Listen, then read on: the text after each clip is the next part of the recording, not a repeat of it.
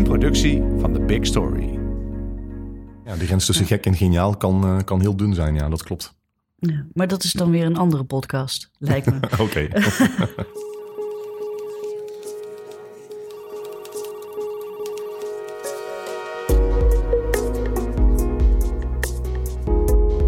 Dit is Komt een blad bij de dokter, de podcast van bladerdokter.nl over media-innovatie.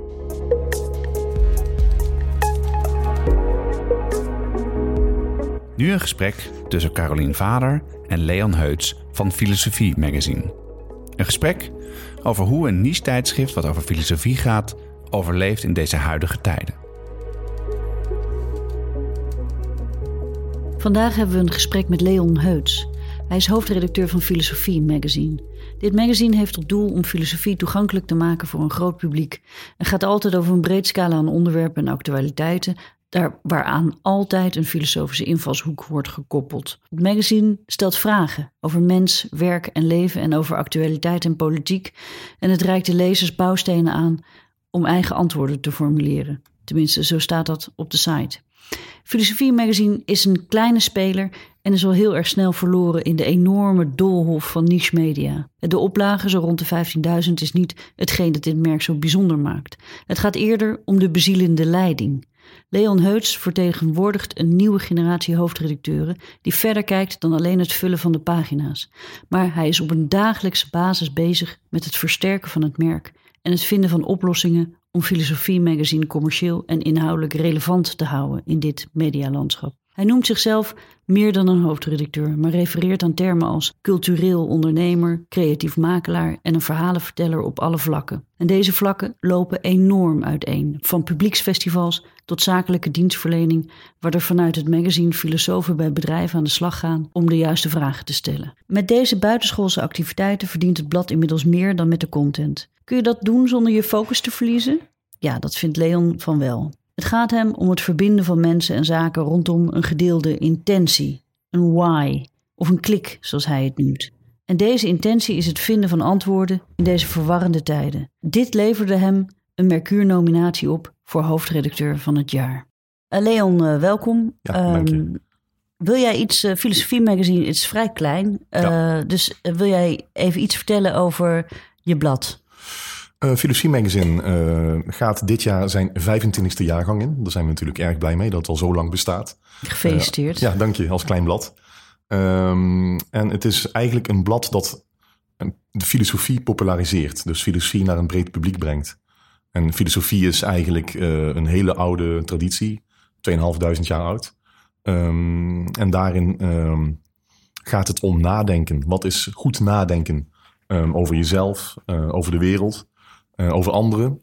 En, uh, en dat, daar, daar zit een schat aan informatie en kennis. En, maar wel vaak moeilijk toegankelijk, want jargon, moeilijke taalgebruik. En wij vertalen dat naar een breed publiek.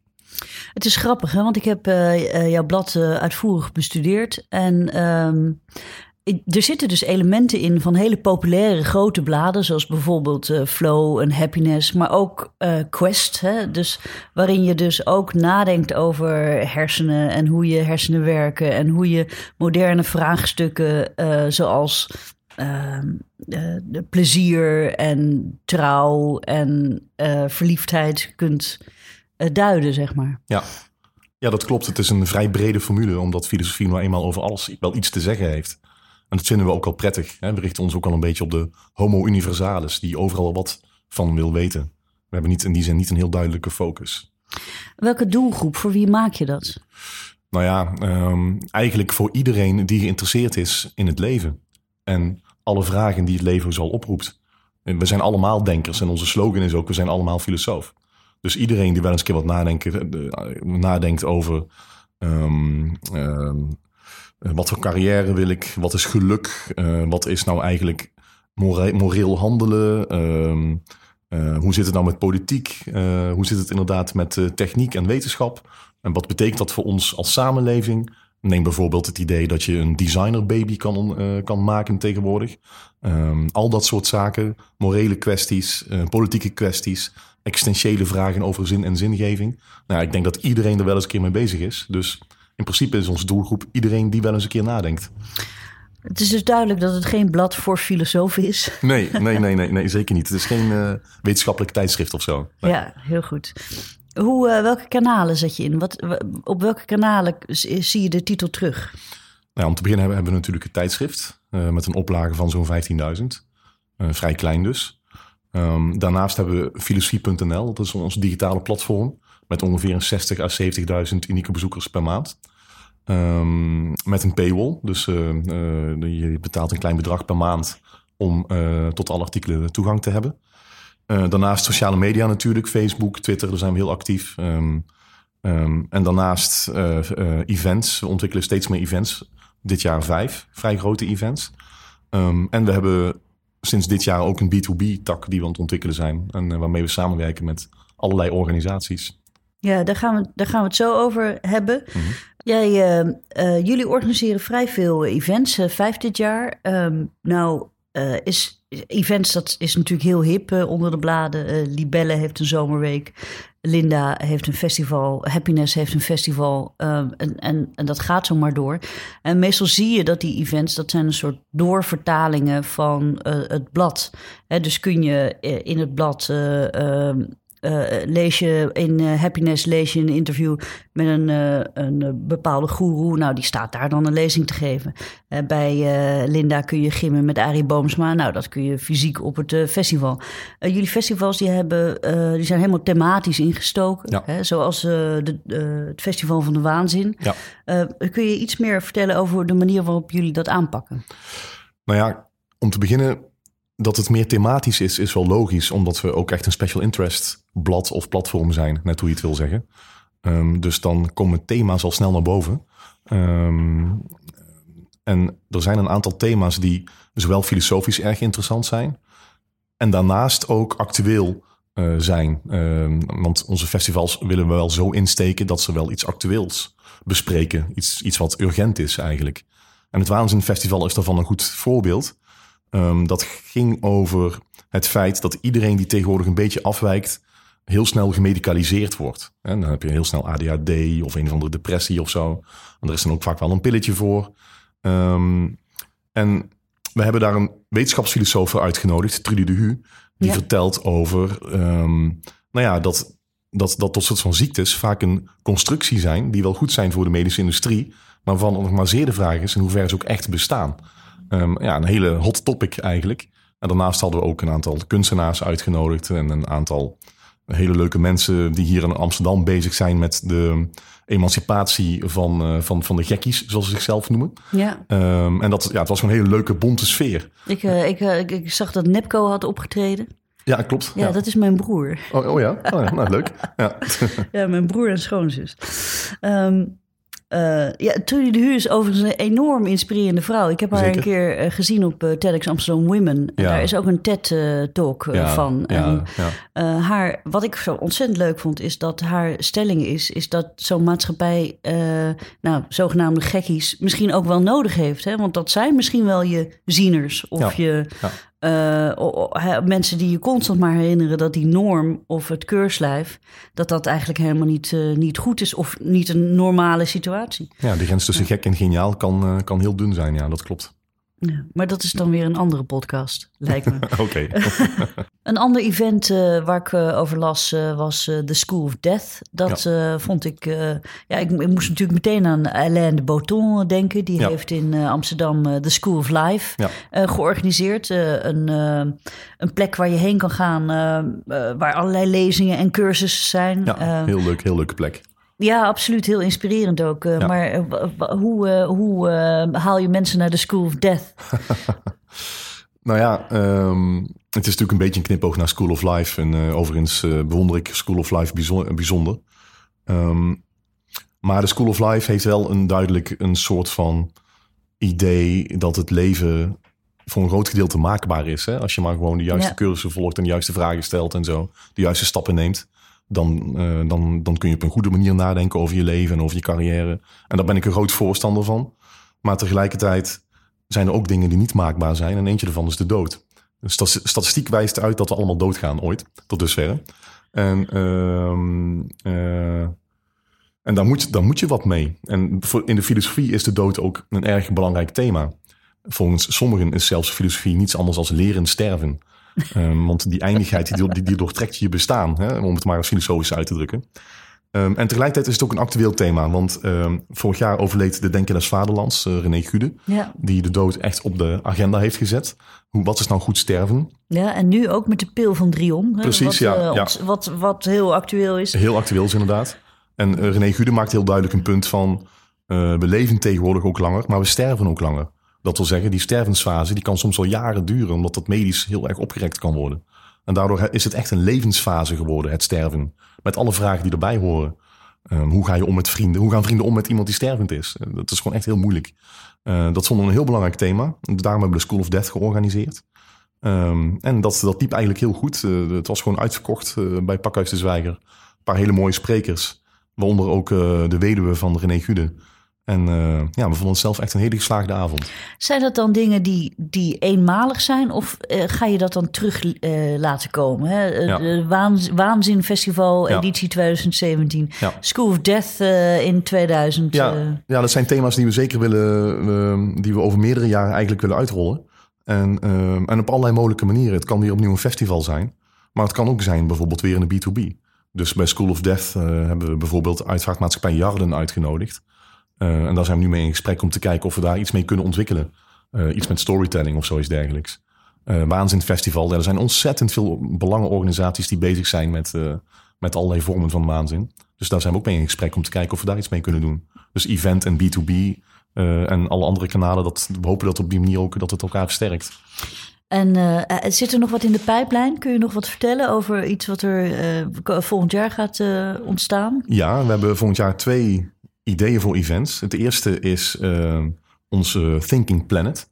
We gaan filosofen uitnodigen van over heel de wereld om te vertellen over um, een filosofie die in hun regio is ontstaan met een lange geschiedenis. Dus denk aan boeddhisme of aan Taoïsme of aan Ubuntu, dat is uh, Afrikaanse filosofie. En uh, die komen bij ons hier in Amsterdam vertellen over allerlei actuele kwesties. Uh, omgang met natuur, hoe leven we samen, wat is solidariteit, wat is geluk. Vanuit hun specifieke filosofische achtergrond. Om te kijken of wij daar, daar wat aan kunnen hebben. En daarnaast willen we in het najaar een groot Wereldverbeteraarsfestival organiseren. In de gemeente Eindhoven. En um, daar willen we uh, um, allerlei uh, techbedrijven, innovatieve techbedrijven en, en start-ups um, samenbrengen met filosofen om te kijken hoe we onze samenleving op een betere manier kunnen inrichten. En dat willen we echt, echt heel groot maken.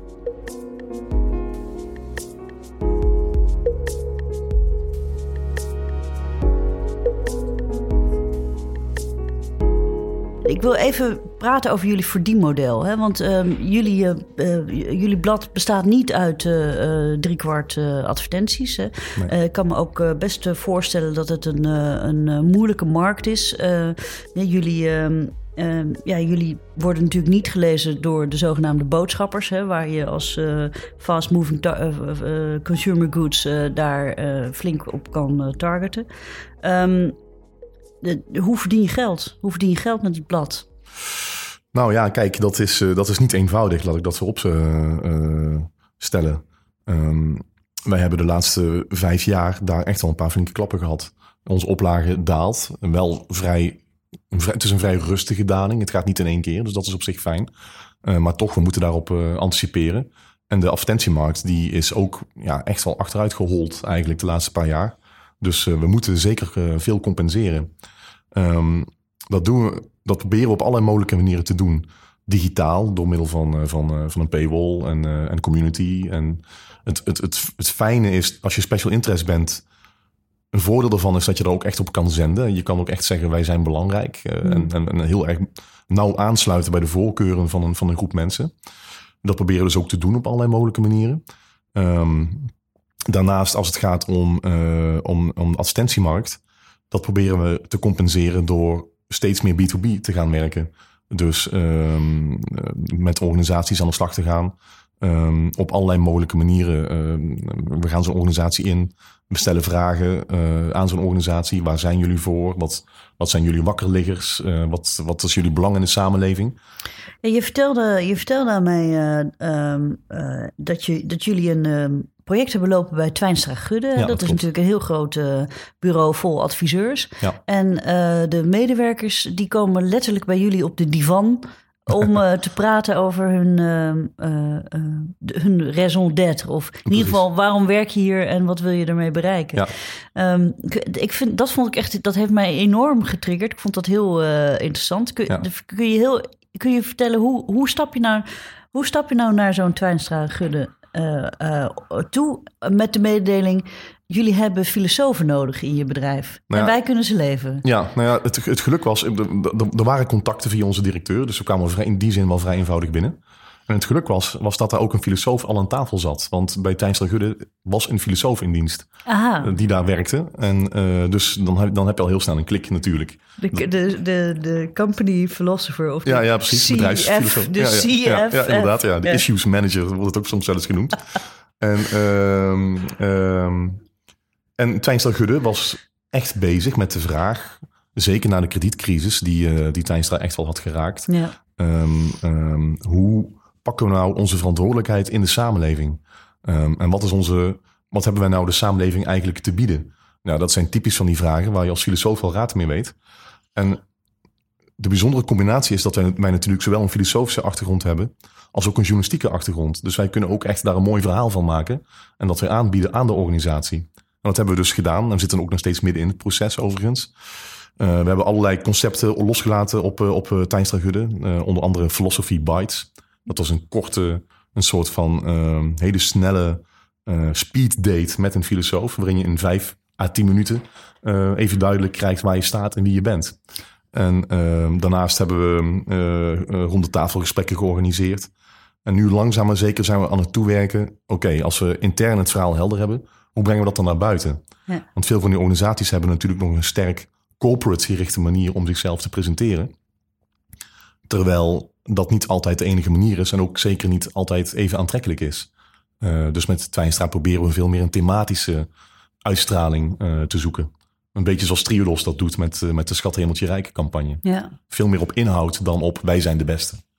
Ik had, eh, ik had begrepen dat jullie daar een eh, bedrag van eh, zes nullen mee hadden verdiend. Nou, dat is niet helemaal waar hoor. We zijn, we zijn nog midden in het proces. Oh, Oké, ja, dat goed. Ja, wel interessant, maar het is een interessant verdienmodel in ieder geval. Um, ja en nee. Um, uh, laat ik daar helemaal eerlijk over zijn. We hebben in het begin van het jaar ook een groot project gehad met een, um, met een, uh, een, een bedrijf in Den Haag. dat was een bedrijf die altijd traditioneel in, in archivering zat. En nu een digitaliseringsslag aan het maken is. Samen met, met, met opdrachtgevers, veel overheid zat daarbij. En de vraag was, wat betekent digitalisering nou voor opslag van informatie? Er komen allemaal vragen uh, naar boven als privacy en transparantie mm. en zo. Um, dat was echt een groot project. Ze hebben er filosofen voor uitgenodigd, uh, sessies. We hebben een heel boek gemaakt voor ze. Um, en dat is dus zeg maar in omzet is dat best behoorlijk voor ons als klein uh, medium. Maar het kost ook heel veel natuurlijk om het voor elkaar te krijgen. Dus die ja. marges zijn heel anders. Dus wat je ziet is, die advertentiemarkt was natuurlijk heel fijn. Want als je gewoon een advertentie in je blad laat, dan heb je gewoon 100% marge in feite. Het kost ons niks. Ja, het ja. kost een sales manager, maar goed. Nee. Um, en nu moet je gewoon grote productiekosten maken. Dus dat maakt het wel ploeteren, echt. En je moet natuurlijk voortdurend, voor iedere organisatie moet je toch weer op maat iets verzinnen. Dus ook daar gaat behoorlijk wat tijd in zitten. En wie verzint dat? Is dat komt dat uit jouw koker? Is dat een redactie? Is dat onderdeel van het redactieproces? Ja, dat, is, dat kun je niet echt, daar kun je niet echt iemand op aanwijzen. Het is ook wat, wat de organisatie wil. Uh, je gaat gezamenlijk op zoek hm. en dan kom je tot een concept. Dus, ja. Uh, ja. Maar de hele strategie om uh, ja, een, zeg maar een B2B verdienmodel aan te boren, is dat, is dat iets wat uit de uitgeverij komt? Is dat iets wat uit de redactie komt? Um, nou, dit is echt, iets wat vanuit de redactie komt. We hebben eigenlijk vanaf vorig jaar al gezegd. Uh, overigens, met redactie bedoel ik ook gewoon sales en marketing. Want wij zijn al heel snel gaan werken uh, met het idee, we zijn gewoon één team. Uh, we, we, werken gewoon gezamenlijk. En dat is ook de manier om het te doen. En dan komen dit soort van, van, van meer commerciële issues, die komen dan ook gewoon beter op je netvlies. Omdat ook gewoon de commerciële mensen nadenken. van hey, dit is een bijzonder verhaal. Wat kan zo'n verhaal betekenen voor een organisatie? Ja, en, en die redactie die vindt dat echte journalisten die, eh, die bij jullie werken, die, die, die snappen dat. Die, Ja. die werken daaraan mee, die, Ja, die liggen niet dwars. Nee, maar we- ik- vind het echt een beetje. eh, Ik, ik weet dat er, dat er veel traditionele media zijn die dit een soort van. eh, ja, een soort van verlakkerij vinden van de, van de on- onafhankelijke journalistiek. Maar wij hebben daar. Die last hebben wij gewoon niet zo. Omdat wij. We hebben een sterk filosofische achtergrond. En als een organisatie geïnteresseerd is in filosofische vraagstukken. dan is er gewoon een klik. Dus, dus we helpen zo'n organisatie daar verder mee. Ehm, en, en dat daar een bepaalde commercie bij komt kijken is logisch. Ehm, maar we vinden elkaar op inhoud en op waarde. En dat is voor ons ook echt wel belangrijk om dat, om dat in ieder geval eh, overeind te houden. Ja, het lijkt me ook wel een noodzaak, want eh, als er geen geld binnenkomt, dan is het op een gegeven moment ook afgelopen. Tuurlijk, ja. uiteraard. Maar, maar als het alleen om het geld te doen zou zijn, dan zou ik het niet eens willen. Nee, het is dat een combinatie van dat je en iets kan toevoegen. ehm, eh, soms op het gebied van ethische vraagstukken bij een organisatie. Of meer eh, vraagstukken van identiteit. En dat zijn gewoon belangrijke vragen. Ehm, en dat je daarnaast ook nog geld mee verdient, dat is natuurlijk prima. Maar dat is niet, eh, niet het uitgangspunt. Aan de andere kant is het ook weer het aanboren van een nieuwe microdoelgroep hè, binnen Ja. zo'n bedrijf. Dus Ja. het lijkt me op alle fronten een eh, goed idee. Ja. ja. Is, dat, is dat ook iets wat je andere bladen zou kunnen aanraden? Ja, ieder blad moet gewoon zijn eigen weg vinden. Kijk, voor ons werkt het heel goed, omdat er heel veel filosofische vragen in organisaties zijn. Ehm, en omdat er special interest zijn. Maar als je meer general interest bent, ik bedoel, ja, ik zou niet weten wat libellen bij een organisatie zou moeten doen. Misschien zit daar wel een model, maar dat weet ik gewoon niet. Dus het ligt heel sterk aan je identiteit en je achtergrond. We hebben een bepaalde waarde te bieden vanuit onze filosofische achtergrond. Maar hoe dat bij andere bladen zit, dat, eh, dat, dat durf ik gewoon niet te zeggen. Nou is het zo dat je, eh, je hebt blad, eh, je hebt eh, online lezen achter een paywall. Jullie zijn eh, vrij eh, actief op Blendel ook, zag ik. Ja. Maar ik kan me voorstellen dat ehm, in, ja, jullie, jullie bedienen natuurlijk best wel een, een, goede niche. Ja. dat social media heel belangrijk is. Ja. Welke kanalen zet je in? Bij ons is vooral Facebook en Twitter van belang. Eh, kijk, andere social zoals Instagram en Snapchat en zo zijn voor ons wat minder, ligt voor ons wat minder voor de hand. Het is, filosofie is toch echt wel een talig medium. Ehm, dus eh, we werken veel met, eh, met Facebook vooral. We hebben ongeveer eh, zo'n bijna een kleine 20.000 eh, eh, followers. Nou, dat doe je voor een, dat is meer dan je papieren oplagen. Ja, ja, ja, Ja, dat, is, ja. dat vind ik dan altijd wel heel Ja, knap. Maar, maar het kost dan ook niks, hè? Nee, nou ja, goed, maar je moet ze wel krijgen. Ja. En we werken daar op allerlei mogelijke manieren. Wat we de laatste tijd veel doen is met videocontent werken. Ja. Dus we willen ook echt eh, een aantal morele dilemma's en problemen proberen te visualiseren. Mensen erover te praten, gewone mensen, zoals jij en ik. Ehm, we werken met veel met kleine dingetjes eh, die mensen altijd wel leuk vinden. Citaatjes, eh, dat soort van zaken. Eh, en we proberen natuurlijk eh, eh, de content eh, van filosofie.nl daar eh, te, te promoten. Ehm, dus ja, dat is voor ons wel een heel belangrijk kanaal. Twitter hangt er een beetje zo bij. Ehm, eh, maar Facebook, daar doen we eigenlijk wel het allermeeste mee. Ja. Hebben jullie ook veel interactie? Veel mensen die reageren, delen, liken, klikken? Ja, vind ik wel, hoewel het zeker nog wel meer zou kunnen. Ja. We zijn ook zeker op zoek naar een juiste social media strategie. Hoe ziet eh Filosofie Magazine er over vijf jaar uit? Als, jij, als ik jou hier een kristallen bol zou eh, voorschotelen. Nou, kijk, om te beginnen ben ik ervan overtuigd dat, het, dat, dat print nog bestaat dan. Dus ons tijdschrift bestaat zeker nog. Alleen het zal kleiner zijn in omvang en in, in oplage. Ehm, dus eh, we zullen er veel meer hebben naast ontwikkeld, wat we nu al volop mee bezig zijn. We gaan die B2B-lijn doortrekken, we gaan onze events groter maken. Eh, we zijn echt bezig met schaalvergroting bij events. Ehm, dus je, je bent gewoon, je bent gewoon een, een, een... Ik zie onszelf steeds meer als een soort van cultureel ondernemer. Eh, of een soort van creatief makelaar, een verhalenverteller. Op alle vlakken. Dus eh, dat, dat zal gewoon zichzelf steeds meer ontwikkelen. En anders zullen we verdwijnen. Maar dat is ook prima, dat gebeurt ook wel eens een keertje. Hè? Ja. Ja. ja, alles is eindig. Ja, Ehm, en daarmee ook eh, dit gesprek. oké. nou, goed. Fijn. Dank je. Dankjewel. Ja.